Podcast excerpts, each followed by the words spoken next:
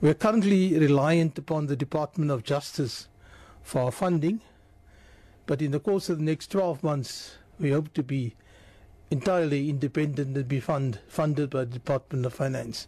That's work in progress, but we have to do that because the Act emphasizes that the work we, we do should be independent from in state intervention from state authority.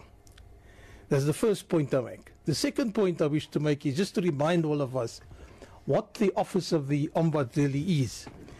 The uh, Ombud is created by statute, and the most important part of the work of the Ombud is set out in section 46 of the Legal Practice Act.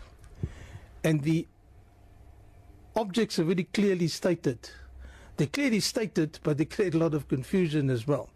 The first object is that the Ombud has to protect and promote the public interest in relation to the rendering of legal services as contemplated in this Act.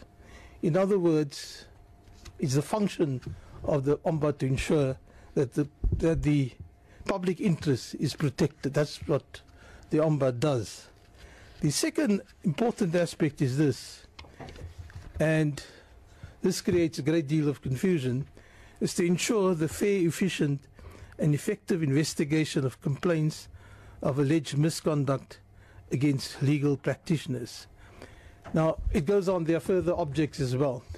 But what is clear is that the Ombud has wide investigative powers, it, it has wide powers to ensure that justice is efficient, that it's fair, and most importantly, the interests of the public are protected insofar as justice itself is concerned.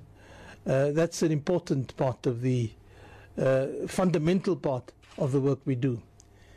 As I stated earlier, there was a delay also in the appointment of an appeals process. You know, many of the convictions or acquittals of attorneys by the Legal Practice Council are in limbo because they appeal and there was no or is no uh, or is no appeals process uh, set out. Uh, sorry, not in, in operation. But with the promulgation of the Act, sections of the Act, two weeks ago, that makes it possible now for appeals to be heard. Now, where does the Ombud come into this? The appeals are heard, say you overreach clients and you are found guilty by the LPC, and it appoints and uh, and it finds you guilty, then you appeal to the to the to a body, appellate tribunal. That consists not simply of attorney and an advocate, but is innovative in the sense that it includes a layperson. And the layperson comes from the roster which we set up and which we have prepared an assessment of lay. It's called lay assessors. But just that's a term that's used to describe lay participation in the conduct of professionals. It's an important innovation.